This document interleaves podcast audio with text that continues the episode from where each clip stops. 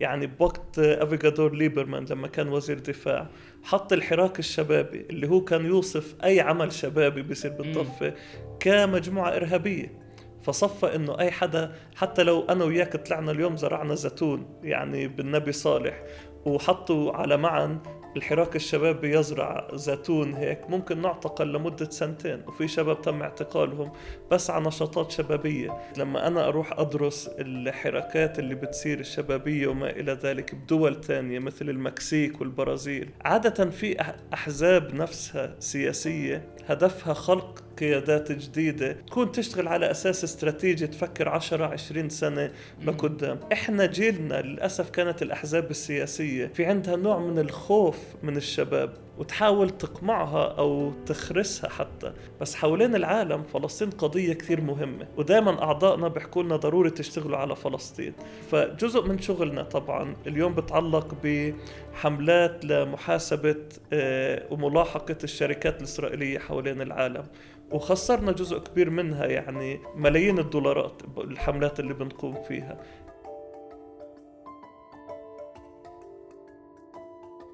تحياتي للجميع بكمان حلقة من بودكاست الميدان. أنا عبد أبو شحادة عبر موقع عرب 48 وزي دايما قبل ما نبلش الحلقة ما تنسوش تتابعونا على جميع تطبيقات البودكاست. Spotify Google Apple إحنا موجودين هناك أو ممكن تنزلوا تطبيق موقع عرب 48 واليوم أنا في مدينة رام الله. مع الصديق فادي قرآن. أنا بعرف إنه فادي غني عن التعريف بس مهم نذكر بالإضافة لكل نشاطه السياسي على مدار فوق العشر سنين. إيه هو كمان مدير مؤسسة أفاس في فلسطين. إيه صار مؤسس شركتين في مجال الطاقة البديلة ومتخصص في الفيزياء والعلاقات الدولية. وغلبناه لفادي مش بس أخذنا من وقته كمان إحنا موجودين ببيته بالبيرة في رام الله. إيه أنا وفادي أصدقاء من سنة 2009 صح. التقينا أول مرة بيافا إذا أنا مش غلطان. 2009 صحيح. آه. وفادي أنا بدي نبلش البودكاست بذكرك بشغلة. سنة 2010 بديك الفترة كنا بالضبط بعد ما يعني كنا مرحلة تأسيس حركة شبيبة اليافية أو بلشنا مع نشاط حركة شبيبة اليافية. وأنا وكمان صاحب إلي اسمه شادي خفاجة صاحب إلنا شادي خفاجة. كنا كتير نجي على رام الله. وهديك الفترة كنا مطلعين رخص على دراجات نارية كنا نيجي بالدراجة على رام الله. وكان الشتاء 2010 بالضبط قبل ما بلش الربيع العربي في تونس.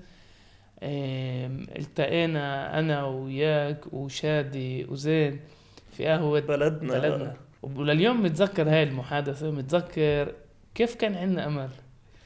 كيف كنا زي متفائلين مع إنه لسه ما كانش مبلش الربيع العربي. وبعد ما بلش الربيع العربي بعد ما بعد الثورة في تونس في مصر بداية الثورة السورية إيه الأمل اللي كنا عايشينه. نيجي ونروح كان عندك كثير نشاطات يعني أكثر نشاط إيه لفت الانتباه. وبهذيك الفترة كمان أخذ مئات إذا مش آلاف المشارك المشاركات لما طلعتوا عباس من إيه 67 وكان لازم يفوت لل 48 الفريدوم رايدز باصات آه. الحرية كنا. وتم اعتقالك من الباص ف يعني اليوم الواحد بيطلع عليها يعني كتاريخ شو التجربة اللي مرقناها. إيه بس فادي بحس إنه إحنا جيلنا بلش في نشاط أو كمل نشاط كان موجود طبعا قبلنا بس ما شفناش على يعني على مستوى فلسطين التاريخية من النهر للبحر ما شفناش استمرارية هذا النوع من النشاط أو هذا النوع من الحركات الشبيبة. اللي ب 67 مع ال 48 ونشاطات مشتركة. إيش صار؟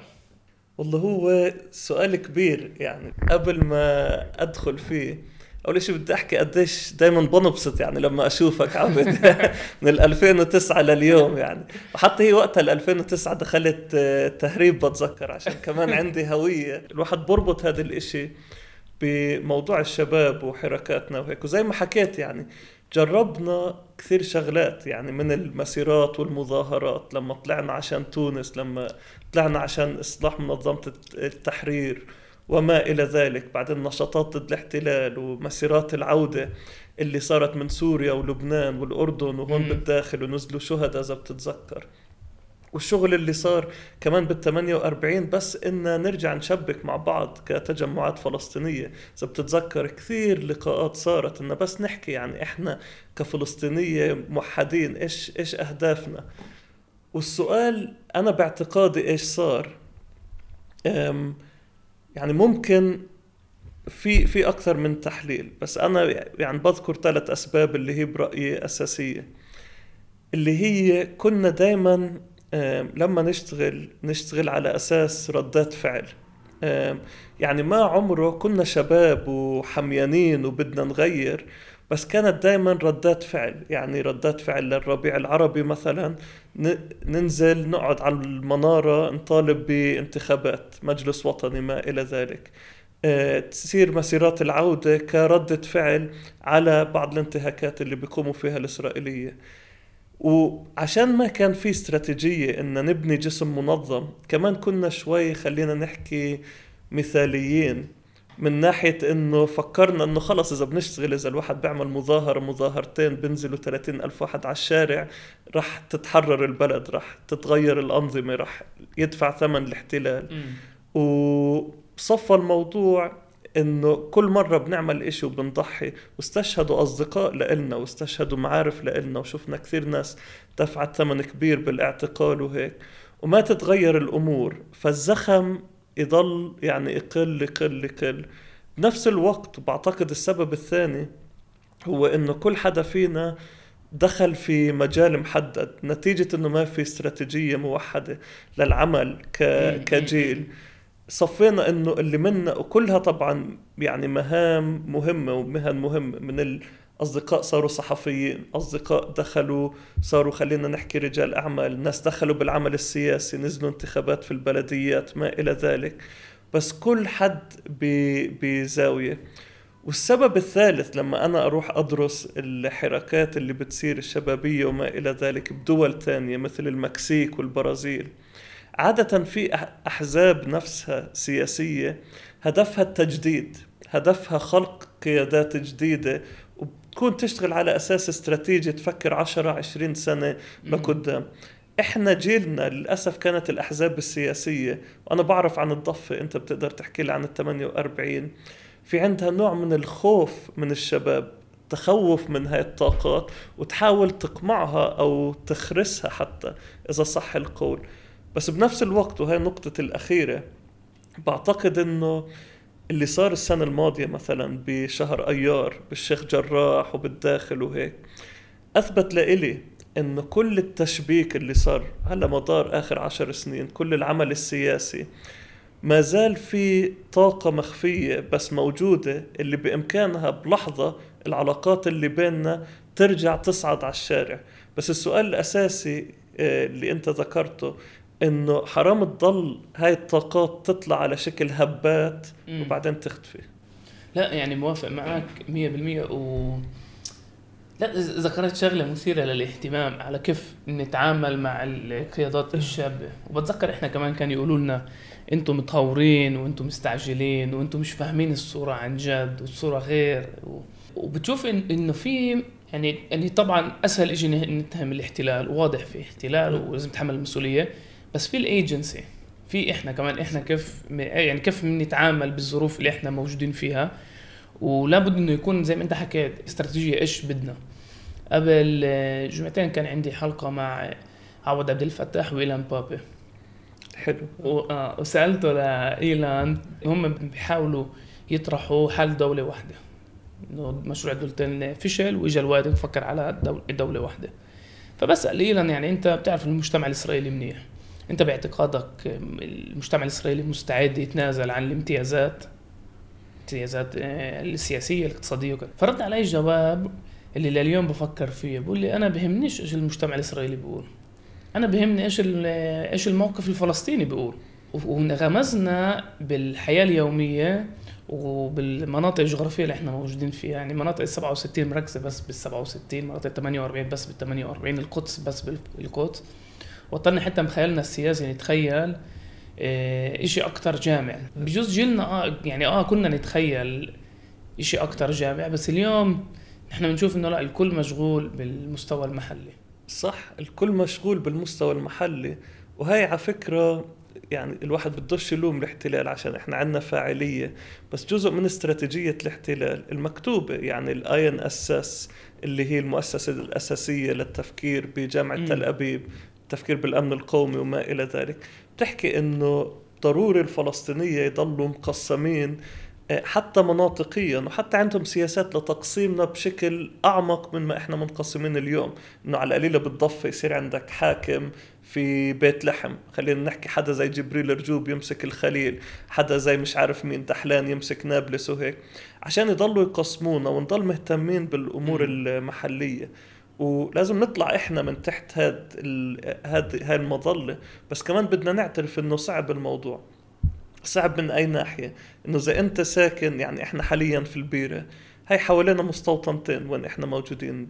بساقوت جبل الطويل وبيت إيل. وعم بتوسعوا بشكل هائل وقرروا ياخذوا يعني عشرات الضنومات من أراضي مدينتنا أهالي البلد وهيك. فصعب إنه الواحد يفكر بهاي اللحظة إنه بده يشتغل على عمل مشترك مع يافا والليد ولبنان وهيك. هو أرضه يعني ورا داره راح تتاخذ فلازم نفكر بهالأمور. والتحدي الكبير اللي موجود هون هو إنه إحنا يعني صفت كأنه مسؤوليتنا. يعني لما نفكر بشكل واقعي حقيقي يعني هون مش مزاود على أي حد. بس خلينا نطلع على منظمة التحرير اليوم أو السلطة الفلسطينية. شو استراتيجية التحرير اللي موجودة عندهم؟ فيش استر... يعني أنا بسأل كثير ناس بالمنظمة شو الاستراتيجية؟ موضوع بناء الدولة مثلا كثير جزء منه يعني رمزي وحكي على ورق. بس أنت بدك تبني دولة بدك تبني مؤسسات هيك. بس ما في استراتيجية حقيقية للتحرير وحتى خلينا نحكي التكتيكات الموجودة عندهم. بس بتركز على الفلسطينية بالضفة وغزة أقل يعني ما بتطلع على الشتات ولا بتطلع على 48 ونفس الإشي لكل الأحزاب الفلسطينية تقريبا. مم. ليش عم بحكي هذا الإشي؟ عشان صفت المسؤولية الأساسية علينا إحنا كجيل مش بس نقاوم مش بس نكافح بس كمان نكون إحنا المفكرين. والاسترات يعني الأكاديميين. ونكون إحنا الناس اللي بيشتغلوا على الأرض وكمان بفكروا عشرين سنة لقدام. وبتحدي اللي هو لما إحنا نشتغل هذا الشغل يعني خلينا نسمي المجموعات الشبابية اللي حاولت آه، تطلع على القليلة من الضفة. هاي نقطة مهمة. يعني بوقت افيجادور ليبرمان لما كان وزير دفاع حط الحراك الشبابي اللي هو كان يوصف أي عمل شبابي بيصير بالضفة كمجموعة إرهابية. فصفى إنه أي حدا حتى لو أنا وياك طلعنا اليوم زرعنا زيتون يعني بالنبي صالح وحطوا على معن الحراك الشباب يزرع زيتون هيك ممكن نعتقل لمدة سنتين وفي شباب تم اعتقالهم بس على نشاطات شبابية. نبض اللي كانت مجموعة بس للقراءة والثقافة وهيك بالضفة وللمسرح والعمل الفني تم اعتقال آه، أعضائها من قبل الاحتلال عشانهم قدروا يجمعوا مئات من الشباب ويصيروا يعيدوا صياغة التفكير الوطني والسياسي الفلسطيني بس عشان بيقرأوا مع بعض وبيناقشوا مع بعض. ففي هجمة والإسرائيلية بيسموا الموضوع جز العشب. يعني عندهم مصطلح اللي هو كل ما يخرج جيل شاب بده يشتغل وممكن يكون خلينا نحكي فعال في العمل السياسي ويتحدى الأنظمة الموجودة اليوم بحاولوا يدمروه قبل ما ينمو. إحنا مستهترين محاولة الهندسة الاجتماعية اللي بيشتغلوا فيها الإسرائيليين. يعني لأي إيش الأبعاد اللي بيفكروا فيها؟ يعني لا إحنا حتى على مستوى سياسي بنشوف حركات شبيبة بنقول يعني حلو كيوت آه وممكن ندعمهم ونحبهم ونشارك بفعالياتهم بس ما نكونش عن جد فاهمين التأثير السياسي اللي ممكن يقودوا له وحتى لو يعني أنا بحكيها بمحل محبة ودعم لهم بس الإسرائيليين بحللوها لا إنه هدول ممكن يشكلوا علينا خطر أمني مش هلأ كمان خمس سنين أو عشر سنين إحنا بنشوفش الدور اللي ممكن هم يقودوه كمان خمس سنين وعشر سنين القوة من وراء من وراء نشاطهم. إيه شغلة ثانية فادي وبجوز هذا كمان بيتعلق بشغلك اليوم بيبقى فاز. التطور التكنولوجي اللي مرقناه بآخر عشر سنين. يعني أنا بتذكر بال 2011 2012 شريت أول iPhone آه هيك شيء آه. إيه وكان جدا غبي مقارنة للتليفونات الموجودة اليوم. والفيسبوك كان إشي بكتير أبسط. من ناحية خوارزميات من ناحية التطبيق. بنطلع عشر سنين لقدام. الفيسبوك صار شيء جدا قديم يعني اليوم للختاير الختاير بالضبط. اليوم الناس موجودة بال TikTok ب Instagram بال reels بهذا العالم. من مجال شغلك يعني كيف بتشوف ال ال social media وال net بشكل عام بيلعب دور كمان في في سياقنا إحنا كفلسطينيين. هلأ صراحة بلعب دور كبير. أحكي لك قصة بتضحك بجوز يضحكوا عليها المستمعين. بال 2011 لما عملنا مسيرة أيام الثورة التونسية دعما لتونس. هيك شفنا الثورة هناك وحكينا بدنا ننزل. فالمخابرات اجوا على بيتي شافوا ال event على فيسبوك وكان منتشر منيح. فاجوا على بيتي اجوا على بيت عمي المخابرات الإسرائيلية لا الفلسطينية. فبحكوا لي إحنا سمعنا إنك منزل event عشان الثورة التونسية وتدعمها وهيك على إشي اسمه فيسبوك. ما كانوش عارفين شو. وبدنا إياك تفتح الفيسبوك وتلغي النشاط. فأنا يعني منتبه إنه الشباب حرام يعني ما كانوش عارفين شو فيسبوك والتفاصيل. آه. فبحكي لهم اسمعوا هاد لما ينزل بدكم تحكوا مع واحد اسمه مارك زكربيرج في أمريكا. هو اللي بيقدر يشيل ال event. أنا بقدرش أشيله يعني بجوز بقدر أغيره هيك فطبعا صدقوا وراحوا صاروا يسألوا هيك وحكوا لي طب كيف بدنا نحكي معه؟ آخر إشي يعني ما, ما نزحش ال event ضل موجود على الصفحة يعني غيرنا الكلمات بشوي بس الكل كان عارف إنه طالع هيك. وشوف اليوم يعني الأمن الوقائي. بتجيهم تمويل وعندهم وحدة سايبر متخصصة مدربة على أساس إنها يعني تساعد في اللعب بالخوارزميات الموجودة وهيك. فإلها دور كبير ليش؟ عشان هاي الصفحات كان لها دور إيجابي وبعدين صار سلبي. يعني كثير من اللي بيشتغلوا أنا بشتغل كثير على هاي الأشياء بيحكوا إنها كانت أدوات للثوار وأصبحت أدوات للطغاة خلال العشر سنين اللي مضوا. كيف هذا الإشي؟ إنه كان في ما كان في مساحة كبيرة للفلسطينية ولأي مجموعات ينظموا حالهم ويعيدوا صياغة السرديات الموجودة. كانت السرديات الموجودة تجينا من التلفزيون من الأخبار من هيك. فجأة صار عندك إنه إذا بنزل عبد وعنده سردية قوية عن يافا وشو ممكن يكون مستقبلها بيقدر يقنع مئات الآلاف من الناس كل ال 48 بدون ما حدا يوقف بوجهه. هلأ هذا التغيير في السرديات هو اللي أدى للأمل اللي ساعد في بناء الثورات وهو اللي أدى للناس اللي بدهم ينظموا ويشتغلوا مع بعض إنهم يعرفوا يشتغلوا مع بعض آه، بدون ما المخابرات وهي الجهات تمنعهم. هلا اللي صار بس صار نوع من الإدمان. هاي أول ال هيك. بعدين صار في نوع من الإدمان عشان هم طبعا هاي الشركات بدهم يدخلوا مصاري فكثير ناس أدمنوا فصاروا يفكروا إنه العمل السياسي هو فقط أكم من like بتاخذ وأكم من post بتنزل وهيك. فهذا شوي أحبط العمل السياسي الحقيقي على الأرض وزاد من الانفعالية عند الشباب. عشان صفى إنه كل شيء بنزل على تويتر أو فيسبوك وهيك بصير نقاش حامي حواليه. الواحد برهق حاله وبفكر إنه غير الدنيا إنه نزل post واجاء ألف like وهو مش كثير مغير. بعدين صارت في مشكلة ثالثة اللي هي الأنظمة منها نظام الاحتلال بس كل الأنظمة العربية حوالين العالم حكوا آه إحنا هالتحدي لإلنا بدنا نصير نستخدمه فعملوا حسابات وهمية وصاروا هم يتحكموا بالخوارزميات والسرديات اللي بتدخل. على أساس هم واضحين على القليلة الإسرائيلية على أساس خلق حالة من العجز المكتسب عند الشعب الفلسطيني. عشان هيك لما الواحد يشوف أي إشي مقاوم أو post تحدي للاحتلال ما باخد كثير likes أو ما بشوفه كثير على ال timeline بس إذا مثلا في عزا أو حدا بينزل إنه عنده وفاة يعني بتحدى أي حدا هلا يفتح الفيسبوك عنده ويشوف بأول 100 post عنده على الفيسبوك شو بيطلع له إذا ما بيطلع له وفاه أو ما بيطلع له هيك.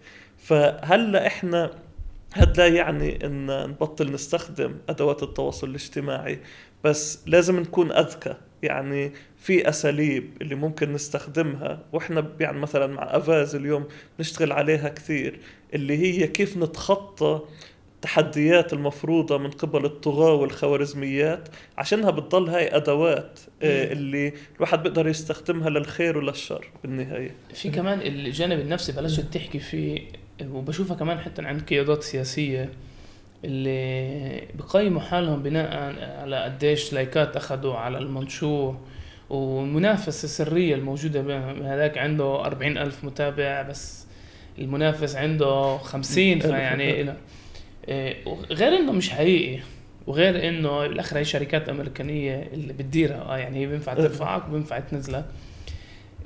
بيخلق عند الإنسان المشاعر إنه وكأنه قام بدوره. إنه فادي كتب post حتى لو بين عنده على ال feed عملت like لفادي وكأني شاركت في مظاهرة أو تعرف عمل نضالي أعمل أعمل like. وذكرني بمحاضرة مرة سمعتها للدكتور رائف زريق على العمل السياسي. وذكر شغله جدا مثيرة. بقول العمل السياسي يعني بعيد على نتائج العمل السياسي. إيش إيش وين لوين وصلت. بس أنت كإنسان بطورك صح. يعني التجربة تنظم وتنظم وتحكي قدام ناس وتطرح أفكارك وتتعرف على ناس مش من بلدك ومرات من خارج البلاد ومرات من افكار يعني يعني بيطلعوا لك أفكار اللي أنت مش عارف ترد عليها يعني بيطلب منك كمان اجتهاد فكري ومرات مشاعر يعني بتتغير. يعني اللي اللي مفكر إنه العمل السياسي أصبح بس بال social media بضيع هذا الجانب اللي هو جدا إنساني وجدا مهم. هلا تعال نحكي على شغلك بعد هاي المداخله لا لا بس هاي هاي النقطه مهمة عشان يعني كثير من الدراسات أثبتت إنه في العمل السياسي العلاقات العميقة أهم من العلاقات السطحية. وهذا إيش معناه هذا معناه إنه ممكن حدا يكون يعني أنت حاكي معه مرة ومتناقشين مرة أو حدا يعني بتابعك على فيسبوك بحط لك لايكات ما إلى ذلك هيك. هذا الشخص لما عبد يقرر إنه بده يعمل مظاهرة ولا عبد يقرر بده ينزل انتخابات ولا هيك فرص إنه يدعمك يعني بالمال أو ينزل على المظاهرة أو ينتخب تقريبا هي خمسة أو عشرة بالمية يعني. بس مقارنة يعني هلأ أنا وياك علاقتنا شايفين بعض نازلين مع بعض على مظاهرات متناقشين بأشياء متحاورين ما إلى ذلك. لو أنت تيجي تحكي لي فادي انزل معي على مظاهرة أنا بحاجة لإلك ترفع علي تليفون مية بالمية رح أنزل.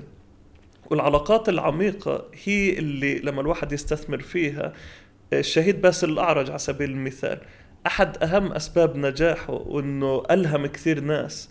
كانت قدرته طبعا هو تفكيره وثقافته وهيك بس كمان قدرته على إنه يبني علاقات عميقة مع كثير ناس في الشعب الفلسطيني يعني.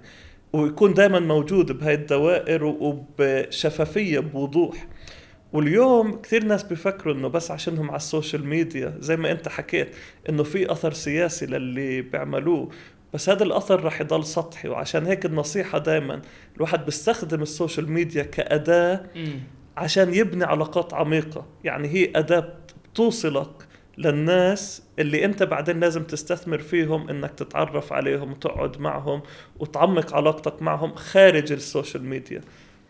تعرف امبارح آه، يعني كنت من المنظمين لمظاهرة في يافا ضد سياسة بلدية تل أبيب. يافا بكل ما يتعلق في التربية والتعليم بالمجتمع العربي. وكانت مظاهرة ناجحة و وكان يعني كمان أطفال وكمان كبار بتسجيل وكمان أهل وكمان أساتذة. وبعد المظاهرة مباشرة كان عندي عرس.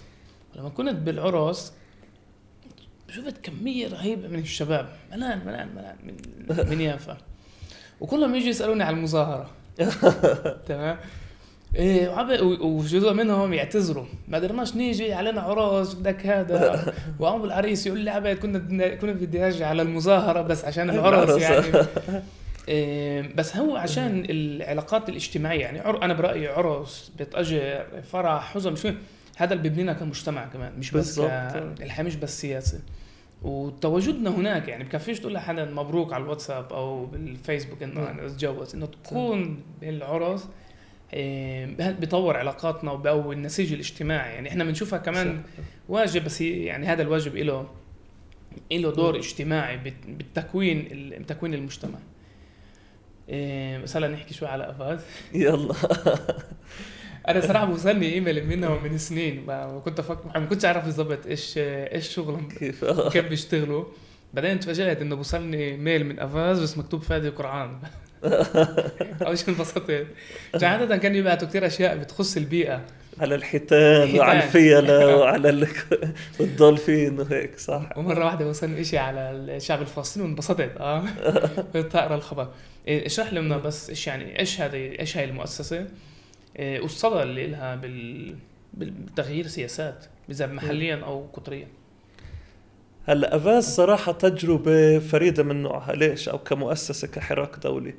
هي إجت فكرة أفاز إنه إحنا في ملايين الناس حوالين العالم اللي عندهم قيم شبيهة بيأمنوا بالحرية بيأمنوا بالعدالة بيأمنوا بالعناية بالبيئة بيأمنوا بالكرامة.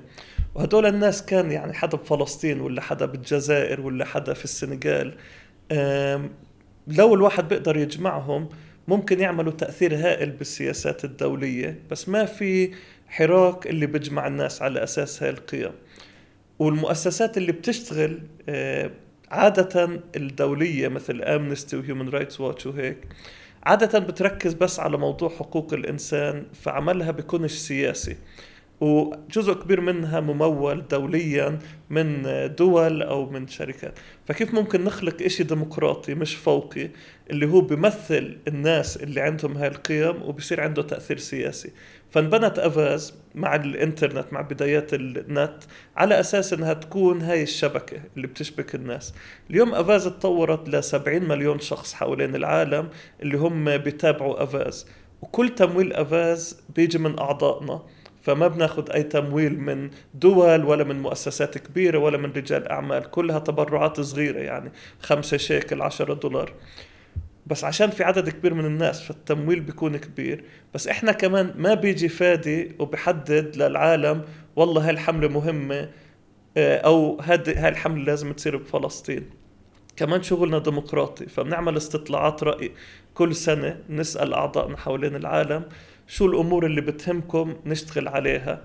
وكمان نعمل استطلاعات داخلية يعني بفلسطين بنسأل الناس شو الأمور اللي بتهمكم. بعدين النقطة الثالثة اللي هي بأفاز إنه بنآمن بالحملات الاستراتيجية مش بس الحملات اللي هي خلينا نحكي رمزية. فمن أي ناحية إنه كمان ما بنطلق حملة آه، غير ما إنه أعضائنا يوافقوا عليها وتكون في استراتيجية لأنه الحملة تحقق نجاح. هلا فلسطين دائما يعني بحكي للمتابعين بفكروا إنه فلسطين منسية. بس حوالين العالم فلسطين قضية كثير مهمة. ودائما أعضائنا بيحكوا لنا ضروري تشتغلوا على فلسطين. وحتى فجزء من شغلنا طبعا اليوم بتعلق بحملات لمحاسبة آه، وملاحقة الشركات الإسرائيلية حوالين العالم.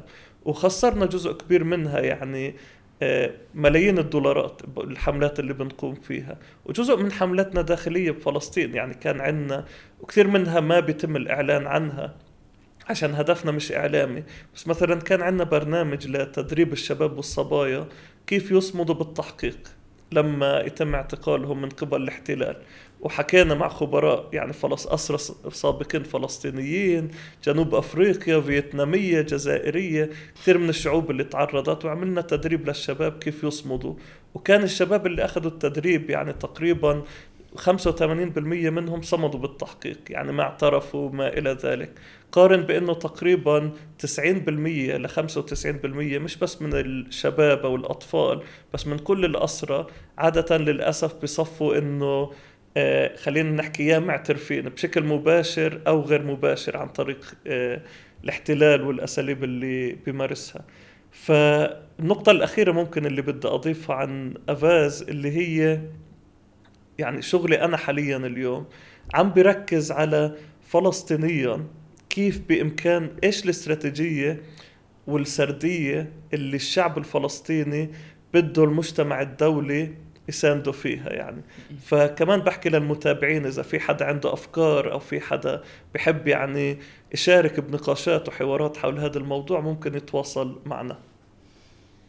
يعني بتطلع خاص بالجامعات. أه. بين إذا كان بال يعني دول الغرب بين إذا كان أوروبا أو أمريكا أو حتى كندا. إيه. بتشوف في حراك في تضامن يعني صار زي إذا بدك تكون باليسار في أمريكا لازم يكون لك موقف مع الفلسطينيين إيه، وبتشوف كمان عندهم في حركات اللي شغالة بالجامعات. يعني بيعملوا شغل جبار وبيدعموا وبيحاولوا يقنعوا الجامعات ما تستثمرش بالشركات الإسرائيلية. بس أنا بقول يعني ليش إحنا مش مأمنين بحالنا زي ما هم مأمنين فينا؟ لا أو ليش ليش يعني هو مش من محل مزاوده بس مش شايفين القوة الرهيبة بالقضية الفلسطينية؟ قديش هي عادلة؟ بس بتطلع برا بتشوف كمية هائلة من الناس دعماك ودعم تحريرك ودعم الفكرة إنه أنت يعني واحد حكى لي إياها بقول لي الحالة الاستعمارية الوحيدة اللي ضلت من القرن العشرين هي الحالة الفلسطينية. إيه وهذا لما تيجي بتقول إنه مؤسسة زي أفاز اللي بتشتغل على مواضيع عن جد يعني مسيرية للشعوب للشعوب العالم كله مثل زي البيئة. بتشوف القضية الفلسطينية لهالقد مهمة. بصير الواحد يقول طب ليش إحنا مش شايفينها هالقد يعني هالقد قوية واللي بتستاهل الاستثمار فيها؟ يعني هاد هاد سؤال مهم بعرفش إذا عندي جواب لإله. بس صراحة إشي بحزن عشان حقيقة هي فلسطين بوصلة لأعداد هائلة من الناس ال- الشرفاء حول العالم وحتى إلهام. يعني الناس بيشوفونا برا ملهمين مم. كشعب إننا صمدنا مع كل هذا الاستعمار وكل هذه التحديات. أنا بعتقد جزء منه يعني خلينا كمان مرة أنا يعني بحط المسؤولية كثير على قياداتنا بس بعتقد إنه الموضوع هو الواقع. قياداتنا اليوم خطابها ضعيف وباهت وعاجز وبسميه يعني خطاب الونونة إنه يعني وين المجتمع الدولي؟ وين مش عارف شو؟ ليش ولا حدا واقف معنا؟ يعني بنطالب بس ما في عمل حقيقي داخلي. يعني الواحد مش كثير بسمع قيادات فلسطينية. كنا زمان نسمع إنه إحنا شعب الجبارين كنا نسمع إنه إحنا شعب هيك. كنا كنا نقاوم يعني كنا فاعلين على الأرض.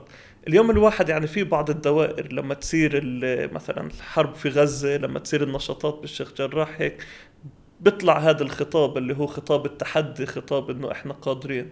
بس بشكل عام مش موجود. بس إحنا بتحليلنا يعني بأفاز مثلا تقريبا في 1.2 مليار شخص حوالين العالم اللي هم يدعموا القضية الفلسطينية. مم. بس بحاجة هدول الناس ل كمان مرة لاستراتيجية وسلم نشاطات اللي نعطيهم إياها. يعني من أي ناحية؟ كمان إحنا كفلسطينية مرات بنفكر إن لما نحكي مستوطنات الناس رح يفهموا شو المستوطنة. بنفكر لما نحكي غزة تحت الحصار الناس رح يفهموا شو الحصار. بس تخيل معي يعني رجل ساكن في قرية في إندونيسيا أو ساكن في قرية في الهند على سبيل المثال أو في جنوب أفريقيا. قلبا وقالبا هو فاهم غرائزيا إنه اللي عم بيصير بالشعب الفلسطيني إشي مش مقبول. حتى ناس يعني مجتمعات في البرازيل وهيك بزورها هناك عارفين بيحكوا لي غرائزيا. بعدين بسألهم مثلا طب شو اللي عم بيصير بفلسطين بالضبط؟ وبعرفوش التفاصيل. بعدين تسألهم طيب شو دوركم بإنكم تدعموا فلسطين؟ بيحكوا يعني بننزل بوست على فيسبوك ولا لما تصير مظاهرة بنطلع هيك.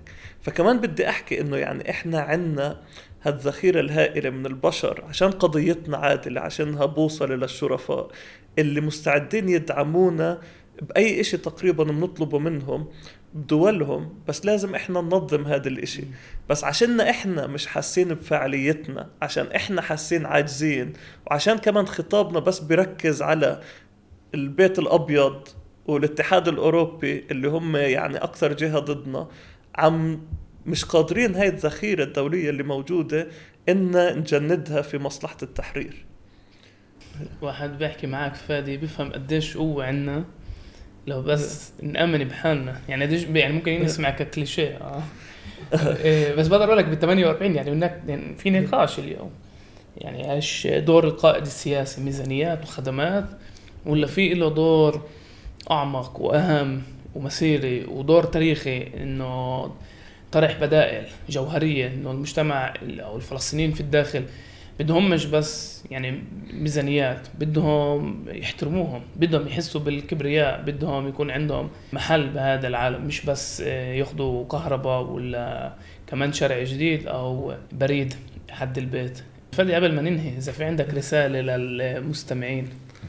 أنا عندي يعني رسالة سريعة اللي هي على موضوع قوتنا كشعب يعني لازم إحنا بلشنا ان نحكي إنه إحنا وشباب كنا نشيطين وما نظمنا حالنا وهيك. بس الحقيقة إنه لسه يعني إن شاء الله العمر قدامنا. وإذا الواحد بدرس كثير من الثوار والقيادات التاريخية وما إلى ذلك منها الفلسطينية حتى يعني أبو عمار وغيره. عادة هو بهذا الجيل يعني الصعود والتأثير الأساسي ببلش في جيل اللي يعني الثلاثينات مع بناء القوة. وكمان هلأ عندنا جيل فلسطيني يعني بدي أذكر هذا الإشي اللي هم الشباب اللي 18 و16 و20 وهلأ عم بدخلوا جامعات اللي بدهم يشتغلوا. هذا إشي ما حكينا فيه كثير. مم. بس يعني الواحد بيشوف لما الجيش يدخل على رام الله مثلا أو على جنين زي ما شفنا امبارح وهيك مئات إذا مش آلاف من الشباب بيطلعوا من بيوتهم يتحدوا الجيش يعني وأغلبهم من هاي الأجيال الأصغر. وشفنا بال 48 لما صارت أحداث اللد ويافا وما إلى ذلك. فالطاقة لسه موجودة ومش لازم نستسلم ونفكر إنه إذا ما عرفنا ننظمها ونخليها فعالة بآخر عشر سنين إنه مش رح نقدر بالخمس وعشر سنين الجايين. وبس بدي أعطي مثال إنه كمان مرة إذا بدنا نحكي استراتيجيا بال 48 إذا الواحد بفكر بشارع زي شارع روتشايلد أو بفكر بشركات زي Intel ومقرها بال 48 أو جوجل وهيك يعني في بعض التحليلات بتحكي لك يعني من, من ناحية العمل الاستراتيجي إنه إذا 50 ل 75 ألف فلسطيني نظموا حالهم بال 48 وباساليب لا عنفية آه قرروا إنهم يسكروا هاي الشركات يعني يروحوا يقعدوا قدامها أو يسكروا شارع روتشايلد وما إلى ذلك وبأساليب تكتيكية ذكية يعني. وضلوا يسكروا ويعملوا هيك حركات لمدة آه، ست أشهر سنة. على الأغلب يحققوا تنازلات من المنظومة اللي بالداخل. أكثر من ما يكون في 15 عضو كنيسة أو 20 عضو كنيسة عربي بالكنيسة نفسه. من ناحية يعني بس شغلات بسيطة بديهية بال 48 فكمان ليش بطرح هاي النقطة؟ عشان عادة بنضل مفكرين بتكتيك محدد أو جزء كبير من الناس بيفكروا بتكتيك محدد اللي هو كيف الواحد بيأثر بال 48 بنتخب بدخل بالكنيسة واحد اثنين ثلاث. ما إلى ذلك. وهو في بجوز 70 خيار مختلف اللي ضروري هلأ نبلش نفكر فيهم كمان. أنا موافق معك بس برأيي باليوم إنه 70 أو 75 ألف فلسطيني بوصلوا للروتشيلد بيفتحوا النار علينا. وباعتقادي يعني هذا أهم درس أهم شيء تعلمته بأحداث ايار بيافا. وفي وهم عند فلسطينية الداخل بالمواطنة. بس لما بتشد الأمور وبالفعل يعني في فعل سياسي قوي آه، أجهزة المخابرات والأجهزة الأمنية الإسرائيلية آه، بتتعامل معك زي يعني زي كونك كفلسطيني بين إذا كنت ب 67 أو غزة. إيه، وشفناها كمان لما اعتقلوا عشرات من ال- الشباب تحت جيل 18 صح. أجهزة المخابرات والتعذيب اللي شافوه. بس أنا موافق معك 100% إنه لازم نبلش نفكر خارج ال- الإطار صح. فادي شكرا عزيزي. لا شكرا لك عبد. يعني كمان استضفتني ببيتك وكمان فضيت وقت من وقت. ولا إشي تعال كل أسبوع صراحة بيتي بيتك. بعطيك المفتاح إذا بدك. إيه، هي كانت كمان حلقة من بودكاست الميدان مع فادي قرآن في مدينة رام الله. طبعا إذا في عندكم أي ملاحظات أو أي أفكار لبودكاست ممكن تبعتوا رسالة على البريد الإلكتروني المرفق في تعريف الحلقة. إيه، وما تنسوش تتابعونا على جميع تطبيقات البودكاست. شكرا فادي. شكرا. شكرا